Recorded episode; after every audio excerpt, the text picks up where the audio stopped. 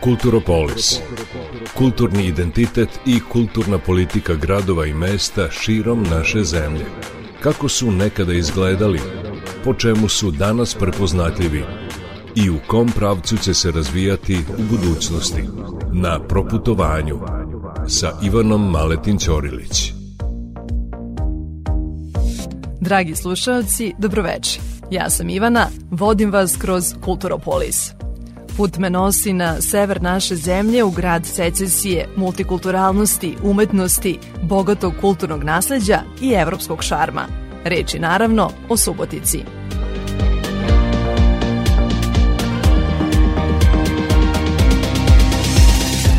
Skladnu sliku centra grada kojom dominira gradska kuća kao simbol Subotice godinama remeti rekonstrukcija zgrade Narodnog pozorišta – Najava da bi ona nakon 14 godina mogla da bude završena zaintrigirala me. Može li ona Subotici da vrati ugled regionalnog pozorišnog centra? Subotičko pozorište bilo je na dobrom glasu još za vreme Jugoslavije. Kako mnogi pozorišni poznavaoci tvrde, svoj vrhunac dostiglo je u periodu od 1985. do 1995. godine. Najveće zasluge za to, kažu pripadaju reditelju, osnivaču KPGT-a i tadašnjem direktoru Narodnog pozorišta Ljubiši Ristiću. Glumica Petronela Kermeci seća se tog perioda.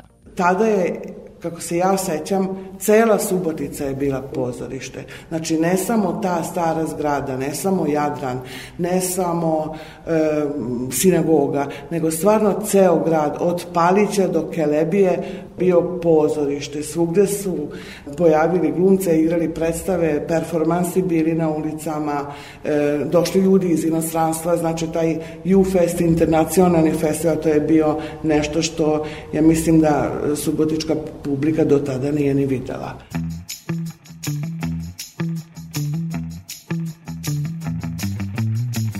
KPGT, kazalište, pozorište, gledalište, teatar, osnovani 1977. u Zagrebu kao takozvana umetnička radna zajednica za predstavu oslobođenje Skopja, doživeo je veliki uspeh. Osim Ristića, njegovi osnivači bili su koreografkinja i rediteljka iz Zagreba Nada Kokotović, glumac Rade Šerbeđija i dramski pisac i reditelj iz Ljubljane Dušan Jovanović. KPGT je u Subotici krajem 80-ih ostvario predstave o kojima je govorila pozorišna javnost cijele Jugoslavije. Raspadom države prestao je da radi i taj Ristićev teatar. Današnja direktorka drame na mađarskom jeziku Narodnog pozorišta Petronela Kermeci još kao srednjoškolka pratila je pozorišni život u gradu, a po završetku akademije i sama je dobila priliku da zaigra.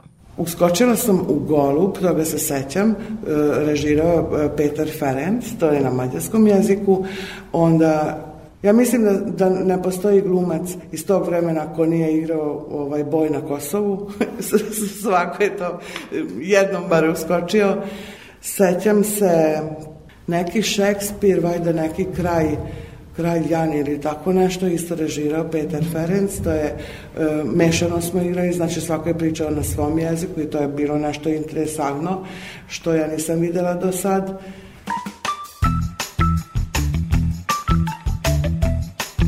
I dok Petronela evocira uspomene na zlatne dane Narodnog pozorišta, članovi ansambala skoro deceniju i po igraju predstave u bioskopu Jadran na adaptiranoj pozorišnoj sceni. Sedimo u starom hladnom prostoru na spratu, to je svečana sala za koktele nakon premijera. Pre nego što se vratim sumornoj svakodnevnici na koju me ovaj ambijent asocira, želim još da maštamo periodu Ljubiše Ristića. Odlazimo u zgradu bioskopa Livka u pozorište Deže Kostolanji kod direktora i reditelja Andraša Urbana, jednog od Ristićevih učenika tih par godina što je Ljubiša Risti stvarao u Subotici, sad bez obzira na sve stvarne ili nestvarne izgovorene stvari na račun gospodine Ljubiše, to čini ovaj prostor vrlo značajnim i istaknutim na, na pozorišnoj mapi e, regiona i, i u, u nekom internacionalnom smislu. To je jako bitan pomak bio uopšte u svaćanju pozorišta i ja, i ja mislim i u tome kako grad počeo da se artikuliše i u umetničkom kontekstu i u odnosu na, na pozorište.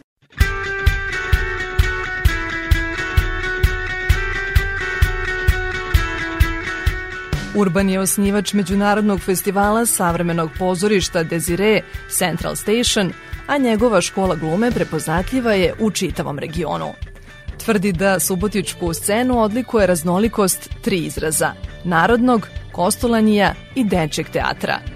Ipak privilegije nekadašnje KPGT-a u prostornom i finansijskom smislu za današnje pozorišne stvaraoce u Subotici puki su san. Pozicija nam je ista, mi možemo da se foliramo, ali, ali Subotica nije, nije glavni grad jedne zemlje. Mi ipak pripadamo nekom, ajde, u glavnom gradu kažu provinciji, dobro, sad bez obzira da znamo šta je provincija i tako, ali, ali nije to nebitno.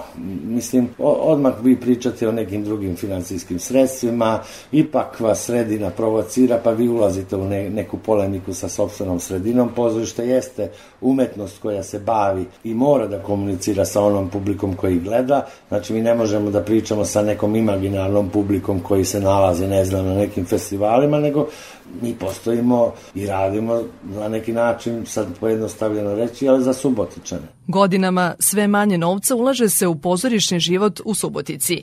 Kao posledica toga drama na srpskom jeziku Narodnog pozorišta, koje broji samo 16 članova, ne može sa sigurnošću da planira ni jedan projekat – Započinje priču direktorka drame i rediteljka Olja Đorđević. Mislim da se ne može porediti taj budžet koji je KPGT imao. Mislim, dovoljno je znati da nije bio problem napraviti bazen za predstavu ili bilo šta što se zamisli ili dovesti glumce sa raznih strana i imati predstavu sa 40 ljudi, životinjama, šta god poželite. To je prosto bilo jedno vreme koje, nažalost, moja generacija nije Znači, mi, mi smo tad još bili po školama, a sada je već duže vreme, ne znam već koliko godina, je prosto republički budžet već jako, jako dugo, znači otprilike od kako ja radim, a to je, već se meri u decenijama, ali već dugo je taj budžet ispod 1%.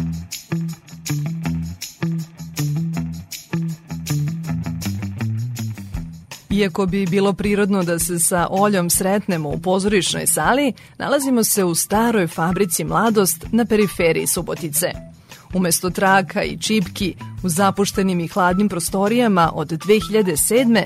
stvara se pozorišna umetnost. Nedostatak prostora, grejanja i elementarnih uslova za rad, realnost su za zaposlene u Narodnom pozorištu. Stojički ih podnose u nadi da će se jednog dana konačno preseliti u novu zgradu. Nažalost, ovo je nama postala neka normalnost, mi valjda više ni ne vidimo. U jednom trenutku smo imali situaciju da prokišnjava probna sala, da mi postavljamo lavore da bi probali i onda sunđer u lavor da ne bi lupalo po lavoru da bismo mogli da se čujemo kad radimo probu. Znači to, to, to je bio trenutak na probi. A onda uz tu probnu salu koja prokišnjava, prokišnjavao je i foaje u Jadranu a, gde igramo predstave. Prokišnjavalo je ispred kod stubova gde su nam okačene slike iz predstava i, i plakat i prokišnjavalo je na sceni, odnosno iza scene, gde glumci čekaju da izađu na scenu, gde su takođe bili lavori sa sunđerima. Kulturopolis.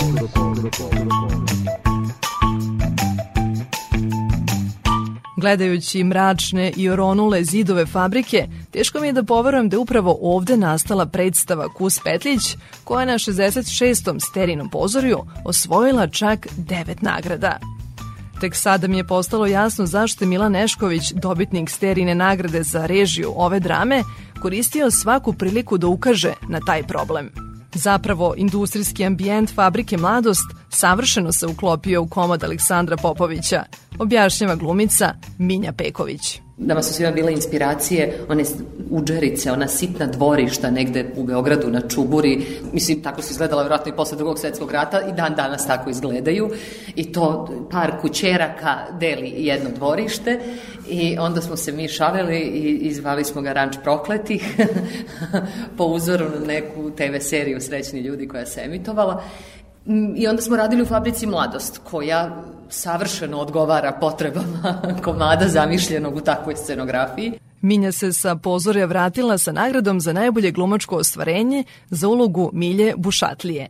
Posle svetala reflektora, glamura i svečane festivalske atmosfere, usledio je povratak u fabriku Mladost i u realnost. Ono što je paradoks u svemu, što imate e, dve tačke diametralno suprotstavljene, jedna je to sad dobijete nagradu, pa sad ono, i to gomilu nagrada je dobila predstava i onda jel, aplauzi, sjaj, festival, a s druge strane mi e, moramo da oblačimo jakne kad idemo u WC, e, greje se probna sala, a već kad izađeš kroz kosti duva i onda se ti sad kao ogrneš da te ne produva, ali onda shvatiš da u tom WC u kom nema grejanja ti svakako moraš da se svučeš.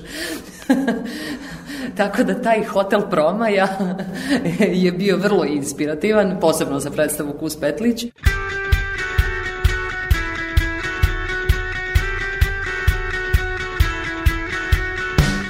Sve je počelo 2007. godine kada je zgrada Narodnog pozorišta u centru Subotice bila pred urušavanjem i u njoj više nije bilo bezbedno boraviti.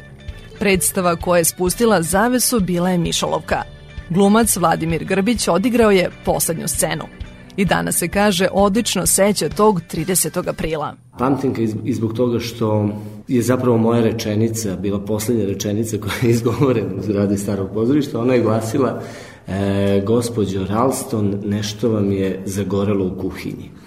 E sad, e, moj profesor bi verovatno rekao da bi posle e, kraja jedne etape nekako više logike imalo da su te poslednje reči bile ostalo je ćutanje ili da je bilo neke veće simbolike, ali malo i u ovim rečima nalazim neku simboliku s obzirom da je ovaj, ta naša kuhinja od tog trenutka u fazi rušenja, izgradnje, renoviranja, faza 1, 2, 3, 5, već ne znam koja je faza, a mi e, zapravo još uvek našu zgradu nemamo.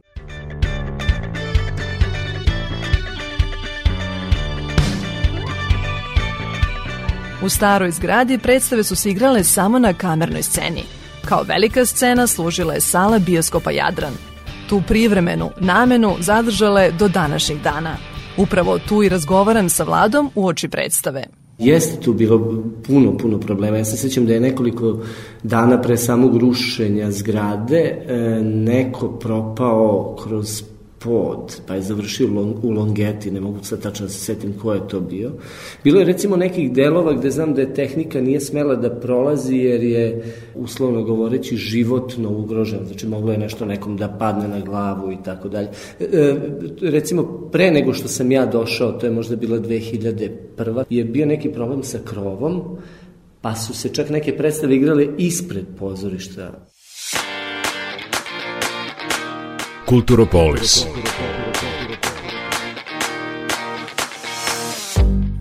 Narodno pozorište u Subotici sa šest korinskih stubova izgrađeno je 1853. u klasicističkom stilu prema projektu Janoša Skultetija.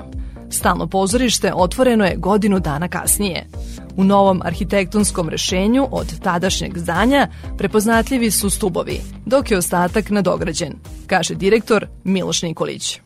Da mi ćemo ovde imati veliku salu u kojoj sad trenutno i stojimo vi i ja, imaćemo malu kamenu scenu, velika sala koja će primati do 500 ljudi, imaćemo malu kamenu scenu koja će primati do 150 ljudi i naravno imaćemo sale gde će da se probaju drame i sve ostale stvari. Znači ovo pozorište će praktično biti po svim sudeći ne važno samo za grad Suboticu Republiku, nego za zaista čitav region, jer kao što sam rekao, čeka nas i sala koja će da se završi kad bude završila ova osma, osma faza, to praktično kad budu glumci ušli već, ta stala će dalje da se radi, jer je odvojena, koncertna dvorana, i vi praktično nećete imati ni jedno pozorište koje ima i svoju koncertnu dvoranu, a to će zaista biti mnogo, i kada je u pitanju taj komercijalni deo, mnogo važno za našu kuću.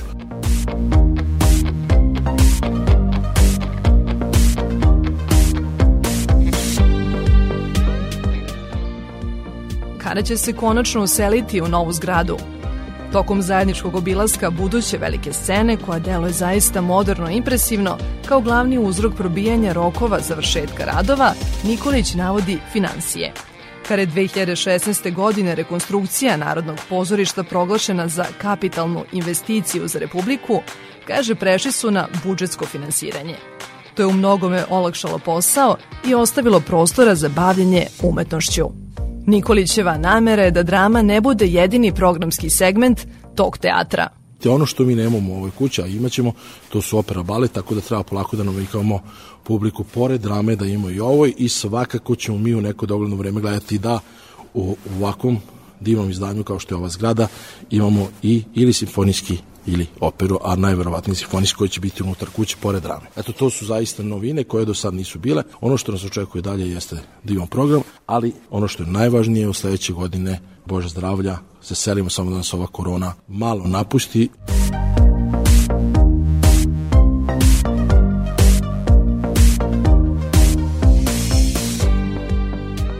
Privodim kraju posetu Subotici. Još sam pod utiskom fabrike Mladost, bioskopa Jadran, Narodnog pozorišta i pozorišta Deže Kostolanji. Ti prostori mi deluju kao prizori iz Felinijevih filmova. Divim se svojim sagovornicima na posvećenosti i strpljenju i odlučnosti da istraju. I zato jedan velik i dug aplauz za pozorišne umetnike Subotice. Zavesa u ovoj emisiji se spušta.